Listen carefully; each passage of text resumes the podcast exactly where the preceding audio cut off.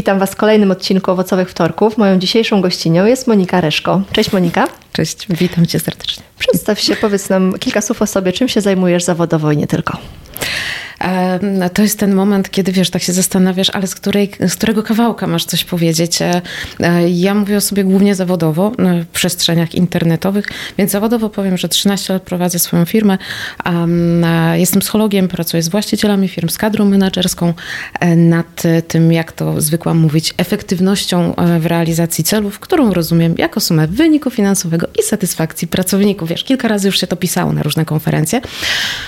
Popełniam dwie książki na okazję doświadczeń, dzielenia się doświadczeniami tego, e, o czym mówimy, o czym, o czym mówię, że się zajmuję, czyli pracą z tym, co w głowach właścicieli i nie tylko w głowach. Czyli skupiłaś się właśnie na psychologii biznesu, czy wcześniej też prowadziłaś takie konsultacje czy, czy terapię dla osób indywidualnych? Wiesz co, ta ścieżka do tej psychologii to była taka trochę, no, powiedziałabym, pokrętna i faktycznie jak robiłam pierwszego magistra, e, jakby mi ktoś powiedział, że pójdę na psychologię, to bym się pytała, po co? A więc, e, więc tutaj zachęcam wszystkich do słuchania tego, co w środku gdzieś tam w duszy nam gra, bo to jest taka ścieżka, która prowadzi się sama. A, bo ja zaczęłam pracę jako tłumacz. Ja byłam tłumaczem języka francuskiego przez wiele lat.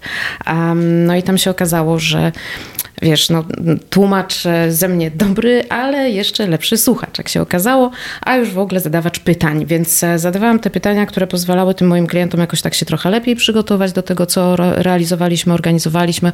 I faktycznie okazało się, że bardziej tym jakoś zarządzam tymi relacjami niż, e, niż tylko tłumaczę, e, więc tłumaczem pisemnym bynajmniej nigdy nie mogłabym zostać. No i co? I, i wiesz co, i zaczęło się od takich małych wystąpień, zaczęło się od zarządzania też projektami, jak zarządzałam projektami, to napisałam oficjalnie w jednej z moich książek, że chyba nie chciałabym być wtedy swoim pracownikiem. więc więc to, to zderzenie. Wiesz co, no, e, jesteś szefem, więc e, myślę, że no, masz e, podobne doświadczenia jak każdy, że na początku to się wydaje, że to jest zupełnie o co innego w tym wszystkim chodzi. Więc, więc to, to były takie moje pierwsze doświadczenia, natomiast zawsze mi chodziło po głowie, dwie rzeczy mi chodziły po głowie. Pierwsze, że to wszystko jest o komunikacji, a druga rzecz, która była taka zawsze dominująca, we mnie, że mm, jeżeli coś mi nie pasuje, to no zawsze przynajmniej dwa wybory, znaczy wybór przynajmniej dwiema opcjami, nie? Albo zwalasz na kogoś, albo szukasz rozwiązań w sobie.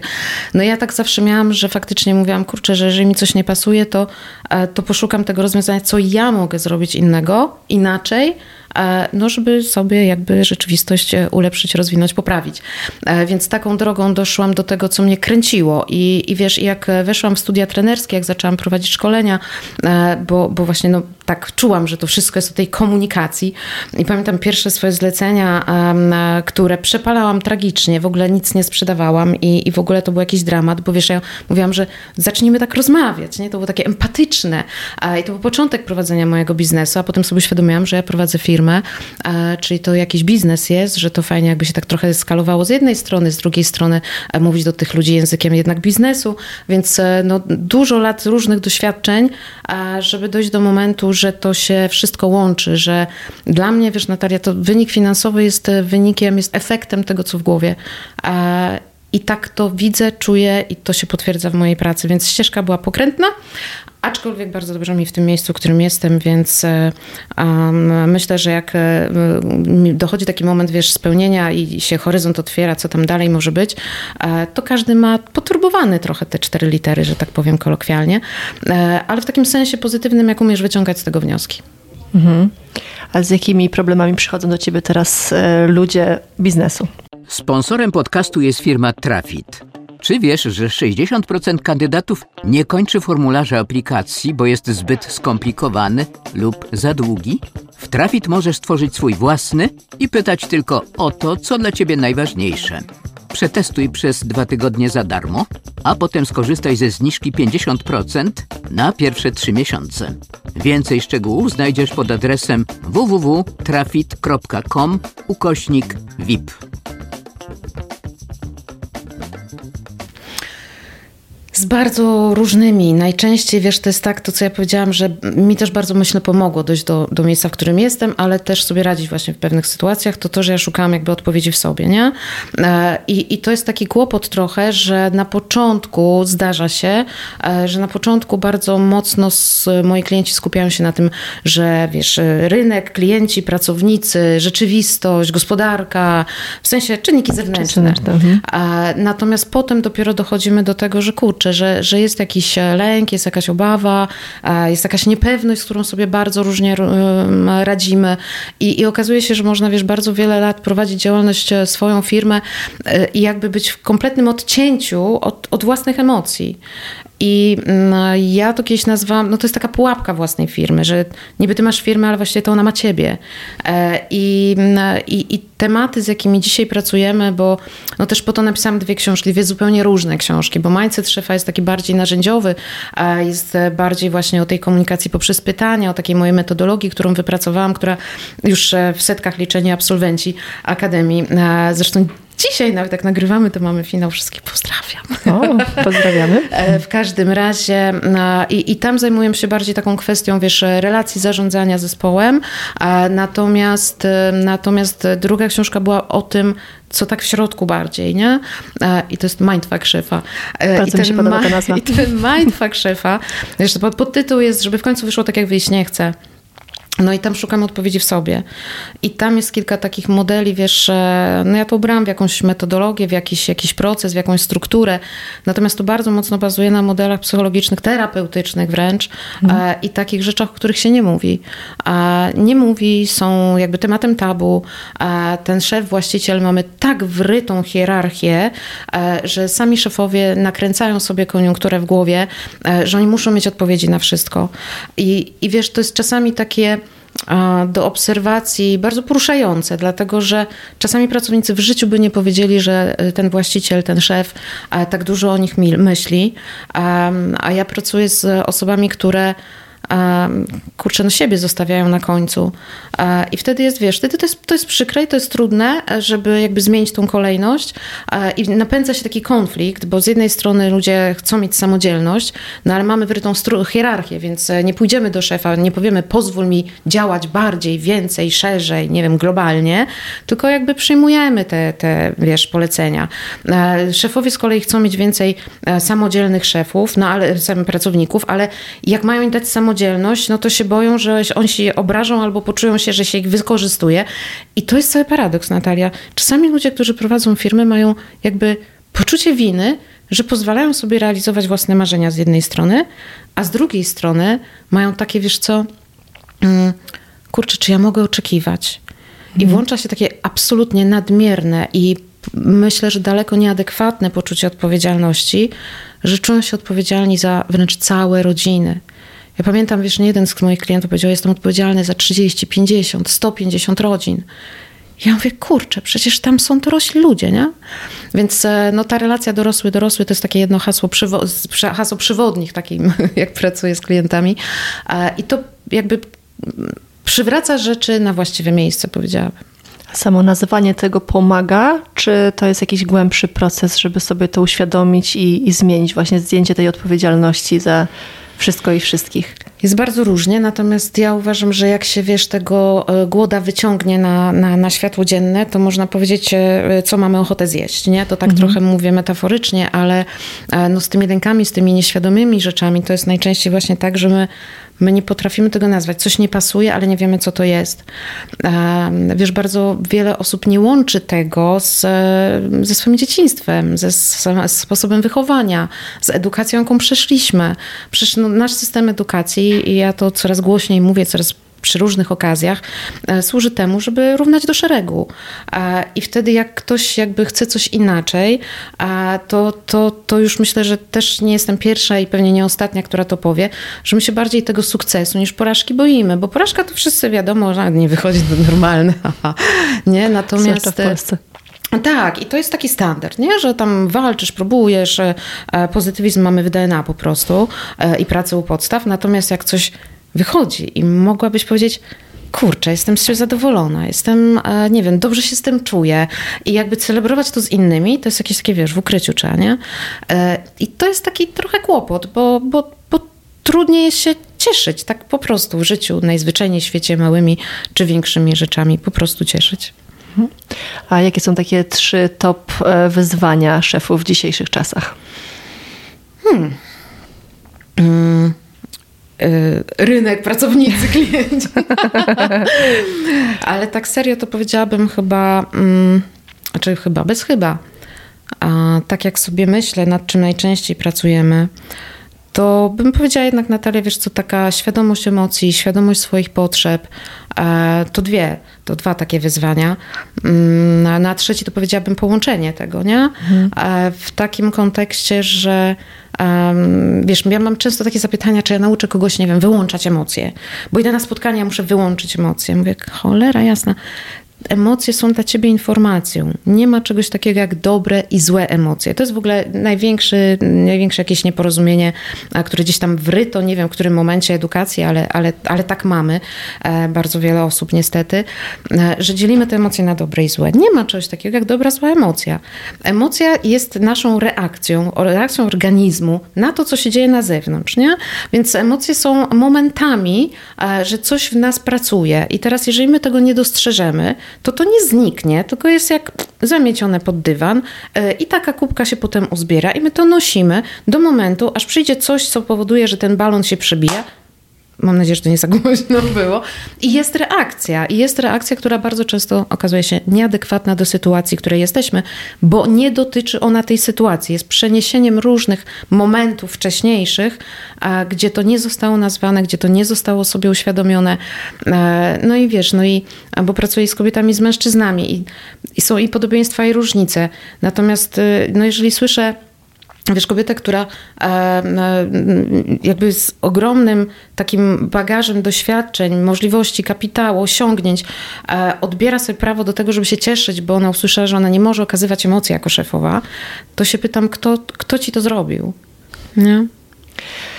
No tak, ale co w takiej sytuacji, kiedy towarzyszą nam silne emocje, bo mamy właśnie, mamy ochotę, nie wiem, wybuchnąć, albo czujemy taką bardzo dużą złość, bo coś nam nie wyszło, e, albo mhm. właśnie wręcz e, chcemy płakać, często nie możemy tego powstrzymać, to, no ale żyjemy w jakiejś, jakiejś strukturze, kulturze, której nie do końca pewnie też zawsze wypada, albo nie do końca sprzyjają nam okoliczności. Co zrobić w takiej sytuacji?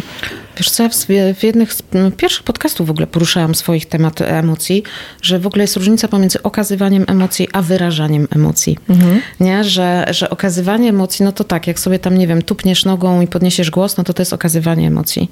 Okay. A natomiast wyrażanie polega na tym, że nazywam to coś, co się wydarzyło, nie wiem, czyjeś zachowanie, czyjaś reakcja, brak czegoś, nie wiem, pojawienie się czegoś, wzbudza we mnie jakiś określony stan. I wtedy, jak mówisz do kogoś, yy, wiesz co, to, że tego nie ma, wzbudza we mnie złość, to dajesz drugiej stronie możliwość, żeby jakby zobaczyła to, co się dzieje.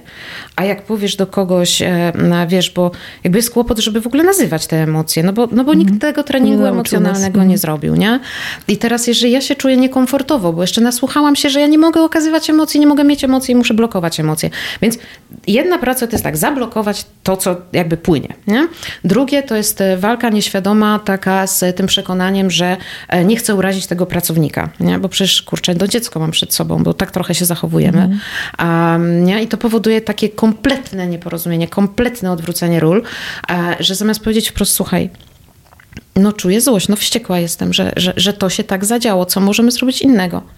Nie? I to jest to, co mówię, że nazywam nieadekwatnym braniem odpowiedzialności za coś, na co wpływu nie masz. Bo wszystkim się wydaje, że my się nauczymy, nie wiem, technik wywierania wpływu, a tak, jakichś, nie wiem, e, głodnych kawałków i będziemy wywierać wpływ na ludzi. My jakby ja powtarzam że to coś takiego, że wywierasz wpływ, ale wpływu nie masz. I to jest paradoks. Mhm. Bo wywierasz wpływ, no bo jakby nie wiem, to y, jak się odzywamy, jak, jak się często widujemy, e, czy się uśmiechamy, czy, nie wiem, czy krzyczymy, czy w ogóle mówimy ludziom, co nam jest, a co nam nie jest i każemy się domyślać, albo, albo stosujemy jawną komunikację. Każdy z nas jest człowiekiem, każdy ma prawo do lepszych, gorszych dni. Praca to jest tylko kawałek życia, o czym też często zapominamy. E, I wiesz, i jak Oczywiście, że to wzbudza pewne, pewne refleksje, pewne reakcje u innych ludzi. I to, to jest to, co nazywam, że wywieramy wpływ. Ale kompletnie nie mamy wpływu na to, co ktoś z tym zrobi. Mhm. I to już jest trudne do zaakceptowania, nie? że my nie mamy wpływu, że się poczucie takiej kontroli i chęci, wiesz, ogarnięcia wszystkiego włącza. E, no to jeszcze jest taka, wiesz, taka no lękowa potrzeba kontroli, nie? Ja mówię o takich trzech typach właścicieli, bo jakby na, na, na, na taką praktykę e, już mam, że no, głównie z właścicielami teraz aktualnie pracuję, co też nie od razu nastało. Musiałam jeszcze swoją własną masę krytyczną bycia właścicielem zdobyć, więc e, no tak potrzeba kontroli jest taka z lęku, jest bardzo dużego lęku. No i to Przed nie są czym? łatwe... E, hmm. No i to nie są te łatwe kawałki, do których, wiesz, dochodzimy, bo e, wiesz, jest... E, lęk jest bardzo, powiedziałabym, wskazany, bo, bo to, jest, to jest ochronne. To jest, e, to jest jakby, wiesz, no wyobrażasz sobie, że może coś się wydarzyć, więc się nie pchasz na czerwonym. Natomiast gorzej, jeżeli te lęki są takie, wiesz, pierwotne. Ja na jednym ze swoich programów bardzo dużo mówimy o czymś takim jak style przywiązania to jest chyba w ogóle coś, jakaś, e, jakiś rocket science może dla niektórych będzie, ale jest coś takiego jak style przywiązania, mm, które się kształtują e, od pierwszego dnia życia. W sensie, jak bezpiecznie czujemy się z ludźmi. Mhm. No i e, niejaki pan Bowlby jakby nakreślił, że takich czterech, tak są takie cztery style, według tej teorii jego. Oczywiście no, gdzieś to się wszystko rozwija, psychologia się rozwija, więc jakby bazując na tych czterech podstawowych stylach, przywiązania, no to albo się czujemy z ludźmi bezpiecznie, albo niebezpiecznie. Tylko, że to niebezpiecznie to jest tak zakamuflowane, to jest tak nieświadome kompletnie, że wiesz, no, w życiu prywatnym też e, mylimy e, poczucie, potrzebę bliskości z miłością, nie? Mhm. Więc, e, więc to się tak trochę dzieje, że, że potem są takie trochę uzależnieniowe relacje, trochę symbiotyczne relacje w firmach. Wiesz, jak ktoś pracuje 15 lat w jednej firmie, jest od początku i postanowi odejść z tej firmy po 15 latach, no to zdarza się, że jest podejrzewany, wręcz oskarżany o brak lojalności. E, no i to są takie, wiesz, sytuacje, które pokazują, że kurczę, mamy trochę lekcji do odrobienia jako dorośli. Mhm. Moja córka właśnie często tak mówi, że nie mówi, że potrzebuje przytulenia, tylko że potrzebuje bliskości. I to jest coś, z czego jestem bardzo dumna, że, że nauczyłam ją nazywać też te swoje potrzeby. E, a jakie potrzeby mają szefowie właśnie? Bliskości. Bliskości absolutnie, wiesz, ja bym powiedziała, że takie normalne ludzkie potrzeby.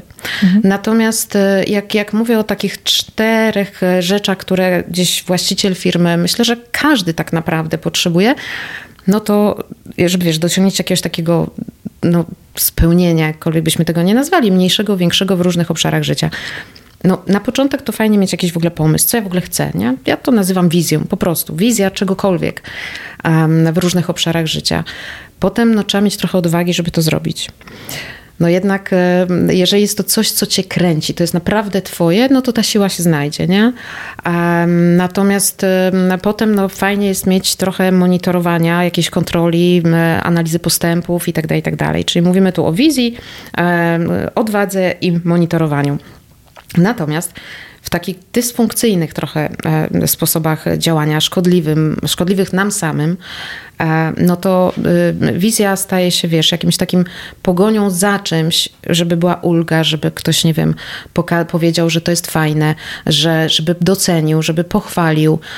No i jakby wymyślamy rzeczy, które czasami nie są w ogóle nasze. Nie? Mhm a żeby, żeby jakoś tak zaimponować, żeby to jakby coś, coś zyskać ważnego dla siebie. Może to uznanie, może to bycie widzianym, coś, czego no gdzieś w którymś momencie życia może było niewystarczająco. Nie? I, no i to jest, to jest to jedno. Drugie, odwaga staje się poświęceniem.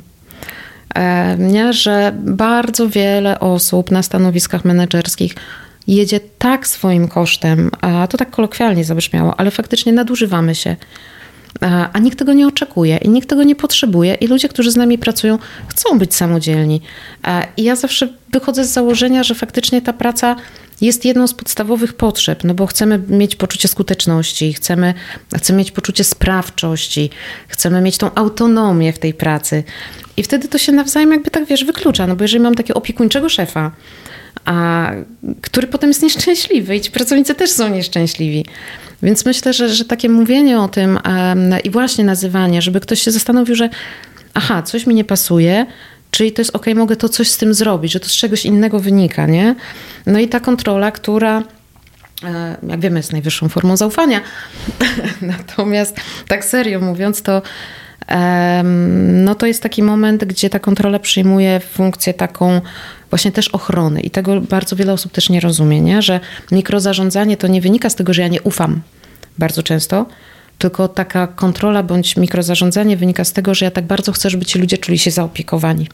Mhm. I to jest paradoks, bo naprawdę trudno jakby niektórym ludziom wyobrazić sobie, że to może być zupełnie coś innego. Nie? Że to nie wynika ani z agresji, ani złości, ani, ani właśnie, nie wiem, nie, nie, nie za, braku zaufania, tylko że to wynika z tego, że ci ludzie naprawdę tak bardzo dbają i chcą, żeby ten pracownik miał jeszcze to, i żeby jeszcze tamto, i żeby wiedział, że ja z nim jestem.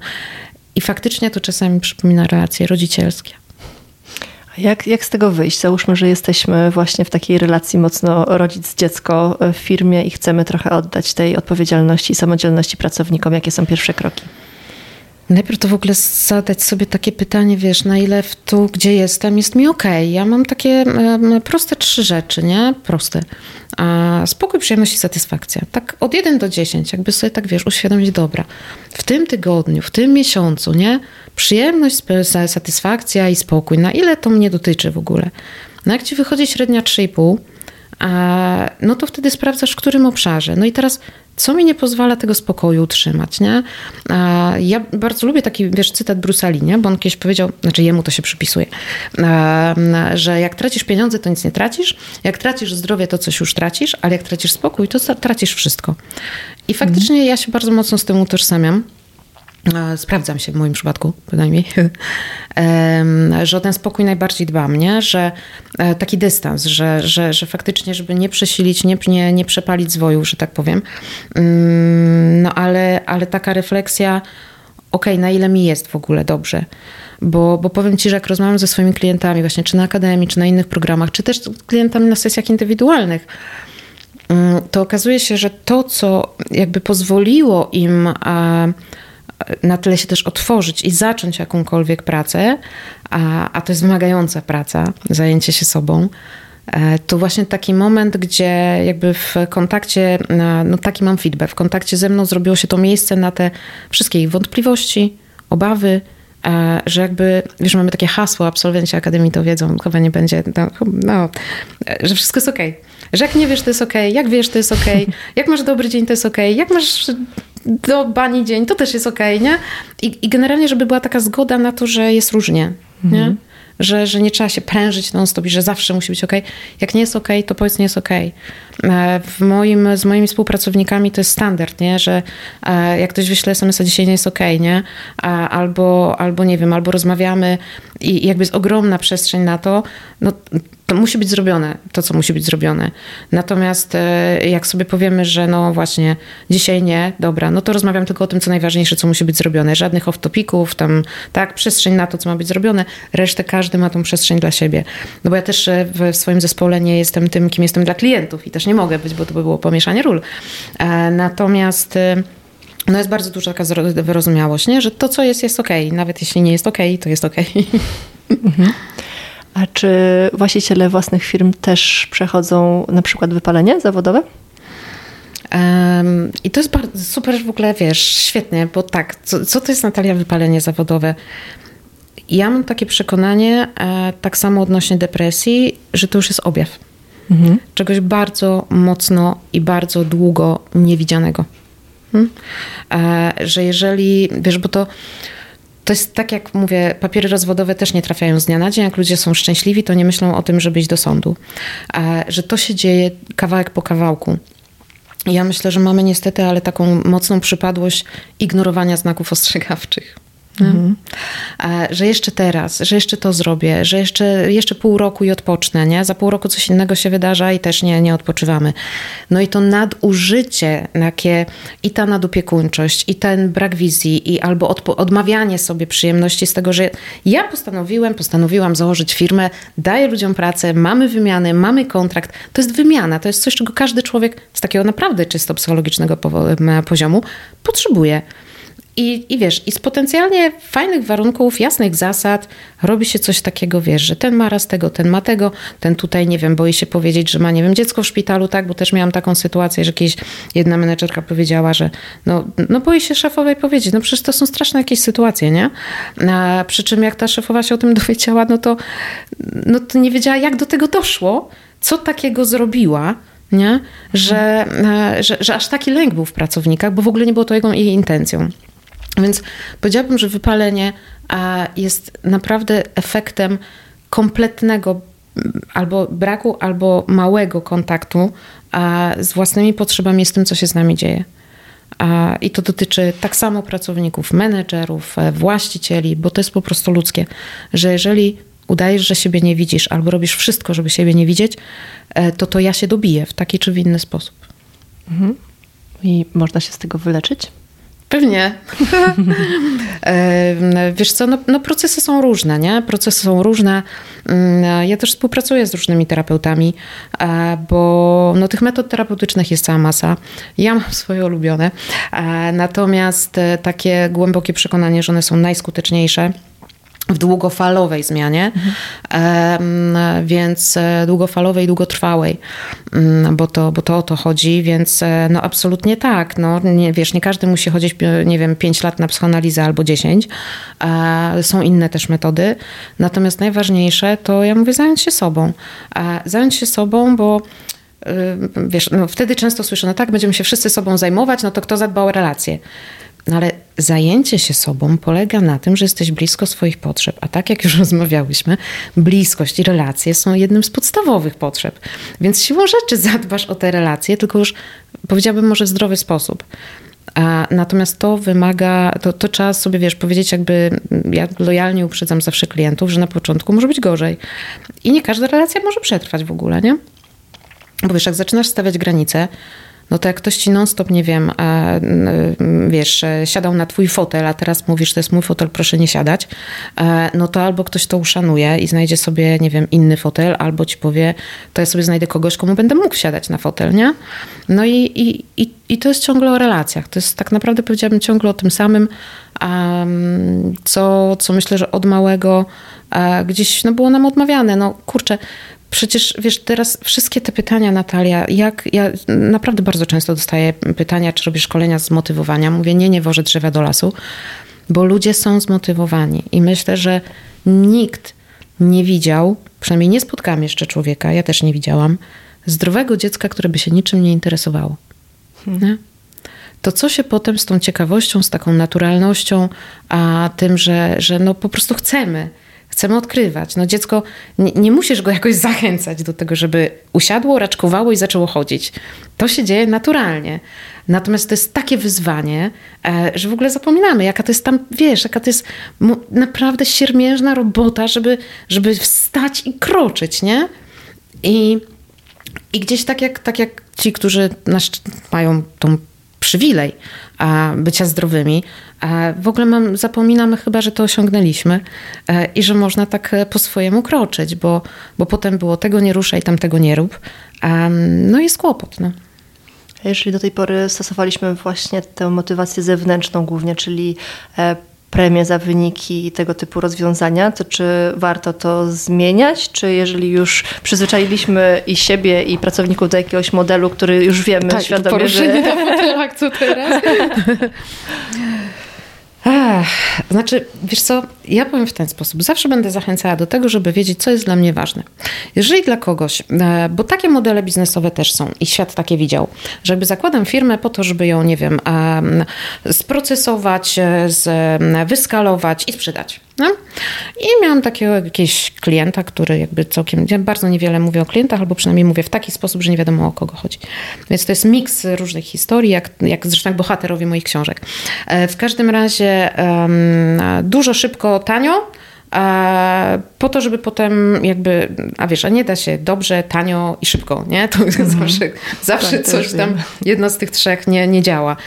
E, więc e, no cel był taki, żeby faktycznie wyskalować, no i sprzedać. I jeżeli taki model biznesowy jest i, i, i na, na, nie wiem, czas jakiś przewidziany, że to chcemy zrobić, to chcemy osiągnąć w krótkim czasie, jest to fair w stosunku do wszystkich, wszyscy wiedzą, że taka jest strategia, to ja myślę, że nikt nie będzie miał nic przeciwko, tak? Że robimy na coś.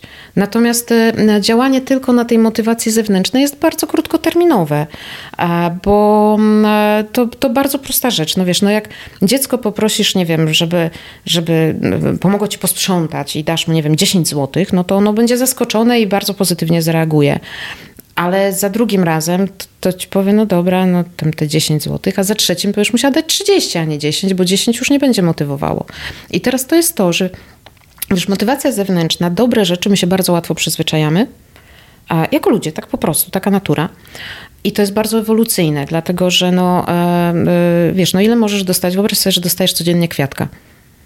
No to tym kwiatkiem kiedyś rąbniesz, no bo ile można tych kwiatków dostawać, nie? Ale jak będziesz dostawała bukiet, bukiecisko, nie? A, no to za miesiąc to trzeba będzie ci kupić całą kwiaciarnię, no bo to przestaje cieszyć.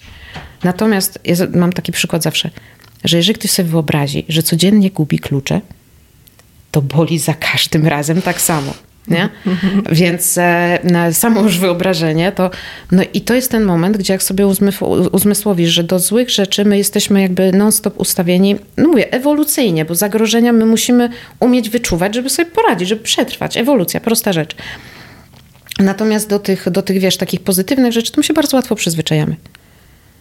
Nomen omen, zobacz, e, co się dzieje teraz e, z powrotami do biur, nie? Daliśmy ludziom niezależność, daliśmy samodecydowanie, daliśmy możliwość właśnie tego, że mogą sobie sami zorganizować dzień, a teraz jest masowe namawianie ludzi, żeby wrócili do pracy. Coś daliśmy, a teraz chcemy to odebrać. Nie? Także no, na motywacji zewnętrznej długo nie pojedziemy. Długo nie pojedziemy i wtedy e, trzeba szukać jakichś sposobów na zaangażowanie. To, co najbardziej zaangażuje, to jest fajny cel, tak po prostu, nie? że ten cel jest znany. Co my robimy? Po co my to robimy? E, bo nie ma czegoś takiego, mam taką teorię, też uknęłam przez te wszystkie lata, że nie ma czegoś takiego jak lenistwo i nie ma czegoś takiego jak prokrastynacja. Tak. E, tak. rozwiń, rozwiń. Wiesz co, mm, wiesz co, lenistwo nie istnieje w takim sensie, że jeżeli a często mam takich, wiesz, osoby się tak samo epitetują, nie? Że, e, że na przykład, nie wiem, są leniwe, ale coś mi się, się nie chce i w ogóle ja mówię, o, o, o, nie chce ci się, rozumiem. Czyli coś nie było wystarczająco ważne, żeby znaleźć tą energię do działania, nie? Mhm. I w tym sensie lenistwo nie istnieje. Wiesz, no, się, no skąd się wziął lenistwo? No ze szkoły, nie? Nie chciał mu się uczyć, czytać, no mądry, mhm. ale leniwy, nie? E, no kurczę, no najwyraźniej nic tam nie było takiego dla takiego dzieciaka, żeby się tak zaangażował. A mam, miałam w swojej historii, w swoim doświadczeniu tak wielu klientów, którzy tak bardzo naprawdę no, skrzywdzeni takim myśleniem. No wiesz, bo o mnie to zawsze w szkole mówili mądry, ale leniwy. No taka etykieta jak przylgnie, to jest strasznie ciężko potem coś zrobić. No? A, a prokrastynacja moim zdaniem to jest takie, um, takie um, bardzo, powiedziałabym, to takie intelektualizowanie, e, żeby nie spotkać się z tym, że się boję na przykład, nie? No bo czym jest prokrastynacja? Prokrastynacja jest odkładaniem w czasie czegoś ważnego, co wiesz, że będzie dla ciebie teoretycznie, co będzie miało negatywne skutki. No to przecież co, mamy samych masochistów na świecie? Nie? A więc e, to, to no, z jakiegoś powodu to odkładam. I tak jak właśnie są tak zwane w psychologii strategie samoutrudniania, nie? że zamiast siąść do egzaminu, to najpierw sobie mi dom posprzątasz, mimo że wiesz, że powinnaś się uczyć. To jest nic innego jak strategia samoutrudniania. No właśnie, żeby, żeby czegoś nie doświadczyć. I teraz pytanie czego? I tu się zaczyna na, albo doświadczyć, bo niektórzy no jakby mają, wiesz, no jest takie zjawisko, że jak ja mam problem, to mam czyjąś uwagę. I teraz jakbym nie miała problemu, no to co z tą uwagą? I to jest uwarunkowane od małego tak naprawdę może być, nie? Że wiesz, no często się mówi, że dzieci chorują, bo wtedy wiedzą, że mama zostanie w domu z nimi straszne rzeczy dzisiaj mówimy, ale trochę jest tak, zastanawiam się tak w miarę lekko, nie? Moi klienci zawsze mówią, że u mnie jest trochę śmiesznie, trochę strasznie, e, ale no właśnie dlatego, że to nie są łatwe rzeczy, hmm. ale to nie są właśnie rzeczy, o których kurczę jakoś tak się oficjalnie mówi, że to jest nasze zwykłe ludzkie, tak po prostu. Mhm. Wracając jeszcze do tej motywacji pracowników, e, często słyszymy teraz, że ludzie są mniej zaangażowani niż kiedyś. To rzeczywiście tak jest? Ja nie zauważyłam. A jak w takim razie, jeżeli czujemy, że, że jest coś takiego w naszym zespole, to jak zwiększyć to zaangażowanie ludzi? No to ja mam jedno pytanie. A w co mieliby się zaangażować? Zakładam, że w osiąganie wyników. No, no to pytać. A jakie macie, y, znaczy wiesz co, bo właśnie to jest, widzisz, Natalia, jest różnica między celem a rezultatem, nie? Mhm. Um, bo celem jest zbudować dom, a rezultatem to będą, nie wiem, wspólne święta w tym domu. Mhm. Tak? I teraz, jeżeli my mówimy ludziom tylko o budowaniu domu, a nie co w związku z tym będzie, to, nie wiem, na ile rozumieją cel. Wiesz, no, jak prowadzę czasami dla niektórych e, firm, z którymi współpracuję, badania satysfakcji, i one z reguły są jesienią. E, no to pytamy na przykład o cele no, na rok. Znam, nie znam celów, e, celi, celów, cele firmowe. No i, jak nawet się pojawia, że znam, no to jest opcja rozwijalna, jak już znasz, to powiedz jaki. Mhm. No i często okazuje się, że to są, wiesz, takie to, co się ludziom wydaje, że jest celem. I teraz to pokazuje dwie rzeczy. Po pierwsze, że naszym szefom, nam szefom, wydaje się, że ludzie wiedzą, co jest ważne, a skąd mają wiedzieć? Przecież tak. Ale pokazuje też drugą rzecz, albo inaczej. Niektórzy z moich klientów mówią, no przecież było na spotkaniu noworocznym i jest jesień. Nie? Więc mogło ulecieć. Taka taka opcja jest, że mogą ulecieć, ale pokazuje też drugą rzecz, myślę, że dużo ciekawszą, że jeżeli ludzie potrzebują, że wymyślają cele, tak, albo jakby interpretują, dopowiadają sobie, to to pokazuje, że my potrzebujemy uzasadnienia dla naszego wysiłku, co jest jakby logiczne, no bo i dlatego lenistwo nie istnieje. Nie? Bo, bo jak sobie masz już tą zasadność, a to jest celem, to jest dla mnie fajne, to w tym lubię, nie? E, proste ćwiczenie, które z Akademii też Mindset Szefa na samym początku się pojawia, wiesz, taka sama obserwacja. Ile procent pytasz, mówisz, słuchasz? I okazuje się, że 90% jak masz spotkanie godzinne, to 90% czasu antenowego ty gadasz. Tak jak ja dzisiaj na naszej rozmowie. tak więc pytać. Co o tym myślisz? Jak widzicie ten cel? Jakie macie pomysły? Co uważacie, że jest tym najważniejsze? Jakie są szanse, jakie są zagrożenia? Tak? Kto się czym zajmie? E, co dla was tym jest fascynujące? I tak mogłabym, wiesz, to, nie? Więc e, szukamy tego paliwa, tego coś, co będzie fajne. Natomiast jeżeli te pomysły właścicieli są w takim głębokim ukryciu, bo jakby to było coś złego, jak ja bym światu powiedział, co ja chcę, no to jak ci ludzie mają się zaangażować? Mhm. A jeżeli mamy konkretnego pracownika, który nie osiąga wyników takich, jakich powinien, to, to co zrobić? Jak z nim rozmawiać, żeby go zmotywować do działania? A skąd wiadomo, że jest niezmotywowany? Zrozumiesz, nie? Mhm. Że, że jakby od początku taka stop klatka, e, co to znaczy, że jest niezmotywowany? Nie? Mm, no, no, pierwsza rzecz to jest rozmowa. No i teraz ja mówię, że, bo często jest tak, że feedback jest taki trudny, nie? Ja mówię, feedback jest trudny, jak delegowanie było chrzanione, przepraszam za kolokwializm. Bo jeżeli delegowanie było, wiesz, na zasadzie takiej, że tak, tak jak ja rozumiem delegowanie, a okej, okay, co jest do zrobienia i po co? Nie? A z jakiego powodu zwracam się z tym do ciebie? Jaki masz na to pomysł? Jak ty to widzisz? I jest rozmową, a nie dyspozycją zadań, a tak, no to no to są ustalone zasady. Ok, na kiedy się umawiamy, jak chcesz monitorować, e, kiedy, e, kiedy sprawdzimy pierwsze efekty, nie? A często z moich klienci mówią, kurczę, no miesiąc czasu i nic nie zrobił. Ja mówię, a kiedy był jakiś monitoring? Nie? No jak zostawiasz kogoś miesiąc czasu z czymś, no to nawet naprawdę najzwyczajniej w świecie może wypaść, nie? Bo w drodze się dzieje bardzo dużo rzeczy. Więc albo wiesz, albo takie rzeczy, które zabijają zaangażowanie. Wyślij mi to dzisiaj do 17, tak najpilniej jak to się da i w ogóle najpóźniej do 17. No i człowiek siedzi i, i robi i, i się stresuje i, i jakby odkłada wszystkie swoje ważne rzeczy, jeszcze się poprze po dziecko do przedszkola spóźnia, a szef odczytuje to dwa dni później albo tydzień później. Hmm. Nie? To jest zaufanie, które budujemy ca całym sobą.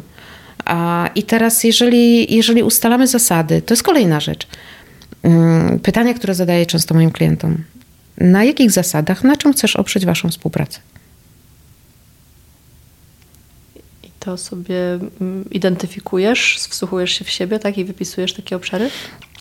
Wiesz co, na przykład, bo to są właśnie te rzeczy, ok, co jest dla mnie ważne, po co mi ta firma? To mówię, jak pracuję z właścicielami, mhm. nie? Jaką potrzebę spełnia ta moja firma w moim życiu? I okazuje się, że to jest strasznie duże nieporozumień w ogóle. Nie? Um, i, i, I jak od tego zaczynamy, to potem się okazuje, że jakby tolerujemy ponad miarę rzeczy, które, które niektórych nie chcemy tolerować, jak spóźnianie właśnie, na, na przykład. Czy w ogóle do, na spotkania, czy z rezultatami a, dowożonymi, nie? Że, a, że faktycznie gdzieś trudno jest nam zwerbalizować, a, że na przykład, wiesz, jedną taką zasadę, którą wdrożyliśmy już nawet teraz nie w jednym zespole, bo to się wszystkim podoba, że każdy jest odpowiedzialny za to, żeby zrozumieć i być zrozumianym. Nie? I teraz jak sobie coś takiego powiemy i ktoś ci przychodzi po tygodniu i mówi, bo ja nie zrozumiałem. Okej, okay, to co zrobiłeś, żeby zrozumieć?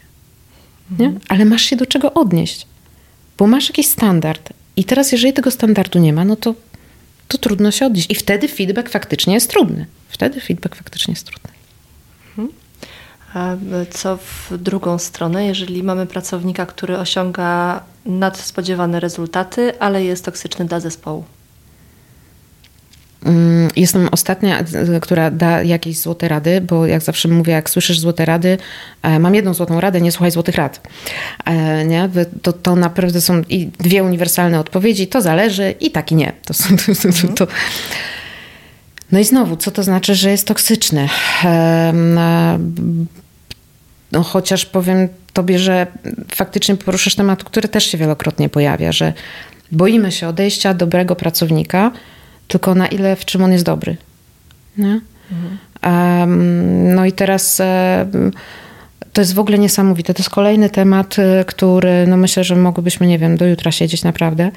Um, jak bardzo dużo rzeczy znosimy jako szefowie faktycznie, ale w ogóle jako ludzie, w relacjach, które nam nie służą a, które są w poprzek nas samych, a, tak, gdzie nie słuchamy siebie, gdzie boimy się, a, gdzie latami znosimy sytuacje trudne.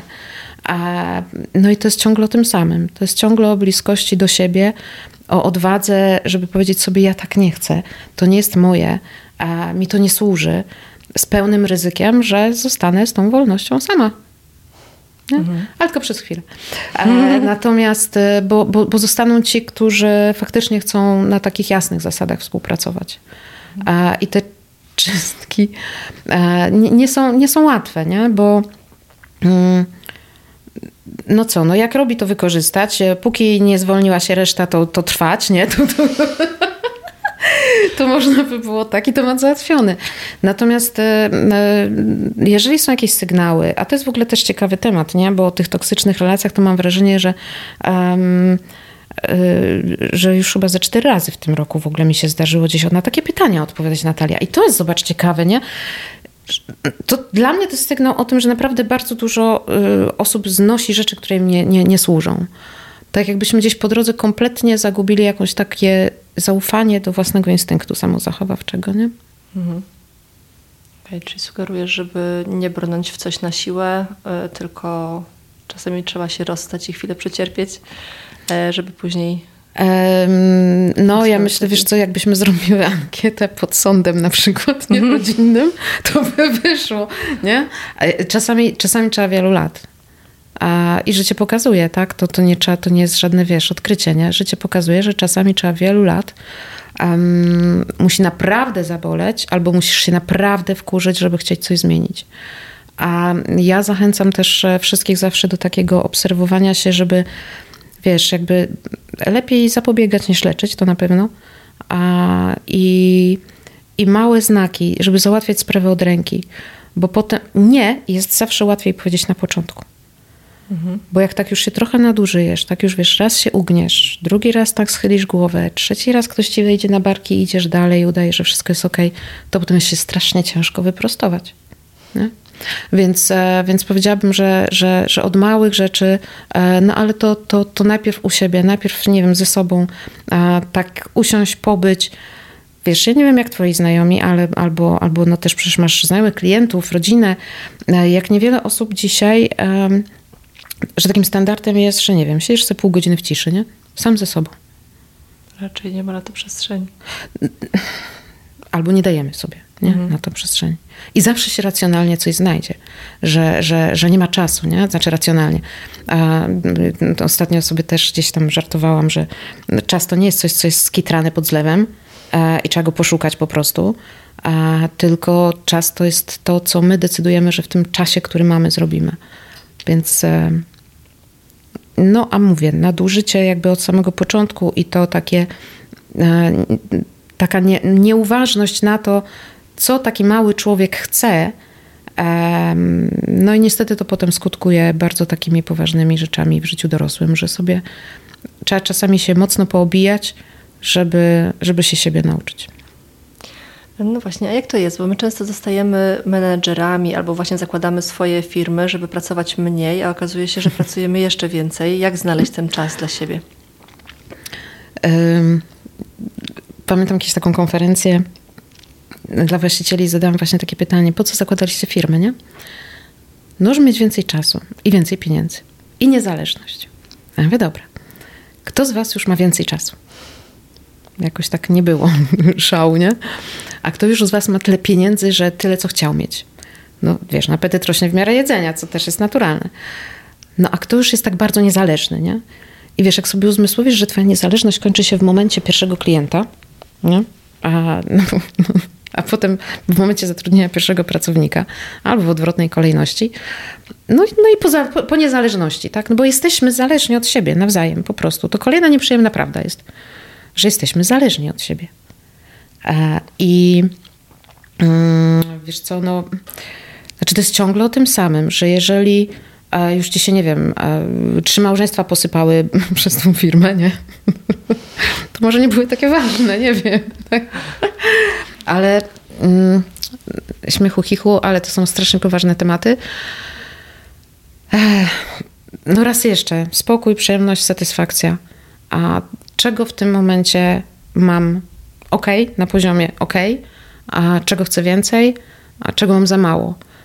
I teraz e, no jednak się przyjrzeć temu, bo ja oczywiście usłyszę znowu rynek pracownika, rynek pracodawcy, pracownik, nie wiem, ludzie nie chcą pracować, tak, im się nie chce, właśnie mniej się angażują i tak dalej, i tak dalej.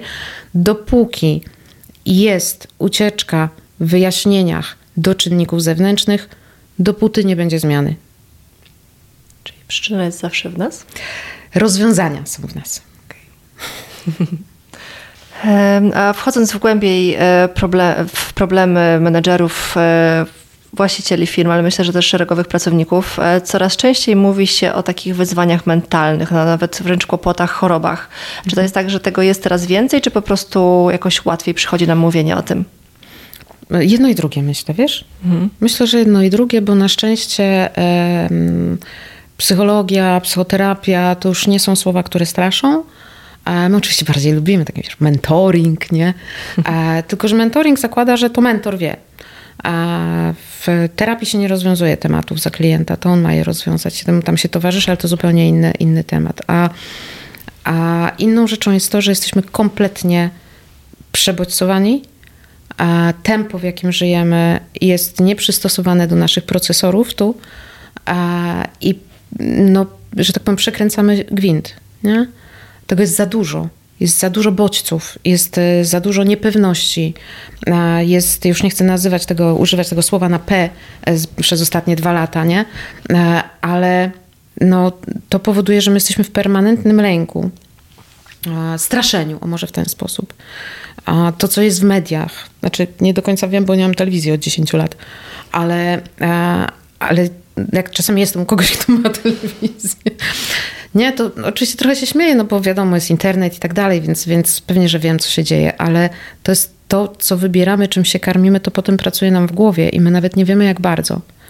Nie? Więc e, myślę, że jedno i drugie. Na szczęście trochę więcej się o tym już mówi. Jest to co bardziej takie, powiedziałabym, okej, okay, że jak boli cię ucho, to idziesz do laryngologa, jak boli cię, nie wiem, e, kręgosłup, to idziesz do ortopedy, a jak e, boli cię wszystko, no nie wiem, wewnętrznie jest taki emocjonalny ból, tak bym to nazwała, e, to idziesz po prostu pogadać. I ja bym bardzo chciała, wiesz, żeby była taka, taka otwartość na to, żeby jeżeli wiemy, że dziecko się rozwija, że emocje się kształtują, że to nie jest tak, że dziecko rodzi się bądź nie rodzi, że wiesz, jest jedną rzecz bardzo bym chciała taką ważną powiedzieć, albo jak to idzie w świat, to niech to pójdzie w świat. E, kurczę, wiesz co, jest, wiesz, bunt trzylatka, nie? A przed buntem trzylatka jest taka faza egocentryzmu. I wtedy bardzo wielu rodziców się boi, że moje dziecko będzie egoistą, nie będzie się dzieliło zabawkami. To jest taki moment, jak dziecko mówi moje, moje, moje, moje. I teraz e, naprawdę do wszystkich, nie wiem, rodziców, opiekunów, jakkolwiek, e, to dobrze, że tak ma. To jest całkiem zdrowe, bo dziecko się wyodrębnia. Ono czuje, że ono coś ma, coś jest jego. I jak to się jakby wypełni, rozwinie adekwatnie, e, to ono się zacznie dzielić samo. Nie? I to jest ten moment, który naprawdę tylu osobom, ja myślę, że to właśnie z tego lęku wynikającego, że no to dziecko, nie wiem, moje dziecko będzie egoistą, się nie będzie dzieliło i w ogóle straszną krzywdę robimy, nie? I, i, no i tak, i to są te lata, których nie pamiętamy, więc już nikt nie sprawdzi, jak to na, na jego przypadku było zrobione, bo, bo to jest właśnie ten moment, którego nie pamiętamy. E, ale tak, ale to powiedziałabym, że to jest taki, taki duży kłopot, że, że potem jak coś mam swojego, to ja, to ja tak się niekomfortowo czuję, nie? bo to jest zaimputowane dużo głębiej. I, I myślę, że jedno i drugie, w sensie, e, że i więcej o tym wiemy, i jeżeli jest wiedza dostępna, a jest ona wszędzie dzisiaj, i psychologia nie jest, nie jest e, tajemną magią. Psychologia, w odróżnieniu do terapii, e, gdzie nie wszystkie metody są jakby badane, psychologia jest nauką. W odróżnieniu też od filozofii, która zaczyna być nauką, bo się w ogóle jakiekolwiek statystyczne metody wprowadza. Więc psychologia to jest nauka, czytaj, ma e, e, testy, eksperymenty, obserwacje e, i są jakieś wyniki z tego. Więc jeżeli to wiemy, to pozwolić sobie na to, że okej, okay, kurczę, może tam, nie wiem, gdzieś po drodze czegoś zabrakło, może warto się przyjrzeć temu i najzwyczajniej w świecie sobą zająć, sobą zainteresować. Hmm. Jeżeli my na przykład w miejscu pracy widzimy u kolegi taką, taki spadek nastroju, który gdzieś tam postępuje, widzimy, że to już trwa jakiś czas, albo nawet dostrzegamy jakieś inne problemy, typu jakieś uzależnienia, czy mm, co, co powinniśmy zrobić w takiej sytuacji? No, bardzo ważne tematy, nie? I myślę, że takie coraz bardziej. Ja mówię, że im bardziej im jesteśmy starsi, tym większe prawdopodobieństwo, że trafi na nas coś mhm. niełatwego. Mm. No to oczywiście zależy zawsze od, od, od relacji, jaką mamy po prostu. Od tego, na ile każdy z nas no, będzie chciał w ogóle dotykać różnych obszarów i ja tu do niczego nikogo nie zachęcam, albo nie mówię robić, albo nie robić. Natomiast na pewno te granice bardzo mocno pomagają, bo jeżeli dotykamy nawet już kwestii różnych uzależnień, no to ta granica musi się pojawić. Nie? Ta granica musi się pojawić, e, co jesteśmy w stanie zaakceptować, czego tolerować absolutnie nie będziemy, e, bo no wszelkie, że tak powiem, nastrojowe tematy, e, nie wiem, depresyjne tematy, czy, czy, czy inne takie no, psychologiczne, psychiczne kwestie, no to to jest jakby nie było, no znowu, zdrowie psychiczne to jest świadomość, że wiesz, na tyle mogę sobie pozwolić, ale jak popracuję trzy godziny dłużej, to albo nie zasnę, albo jutro będę rozdrażniony. I to jest wiedza o sobie. Ja bym powiedziała, że samoświadomość jest dzisiaj naprawdę zbawieniem dla nas wszystkich, a, czyli poznanie swoich granic.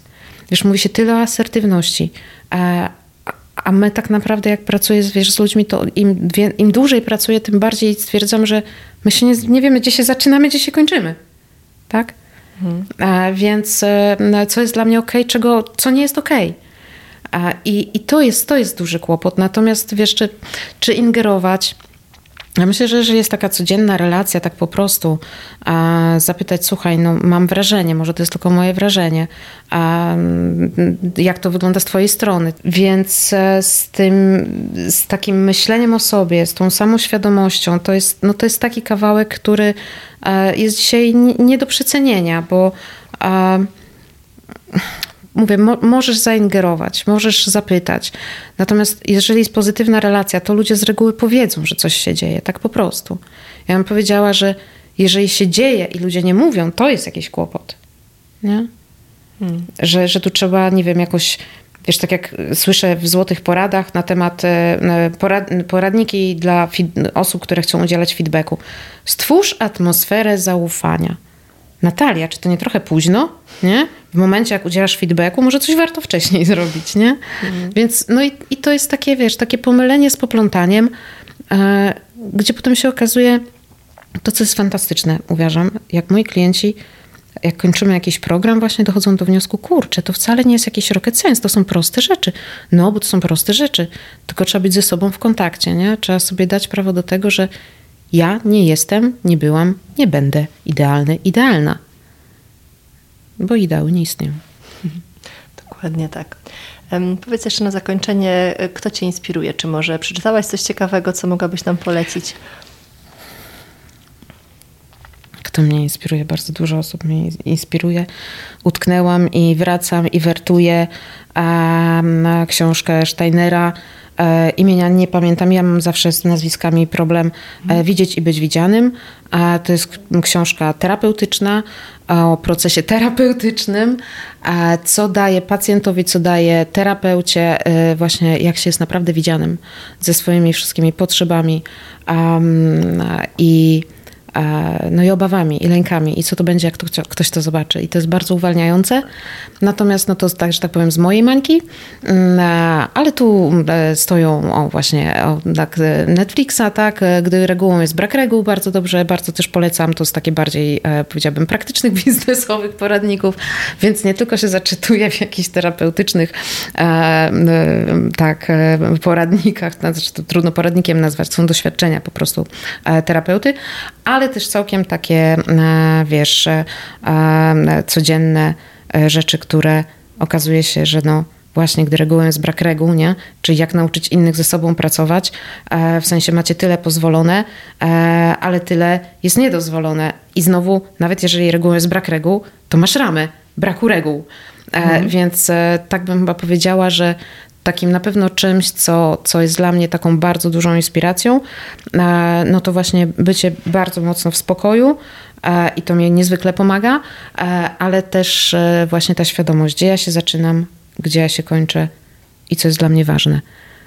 Ale tak naprawdę ważne i chyba takim przesłaniem.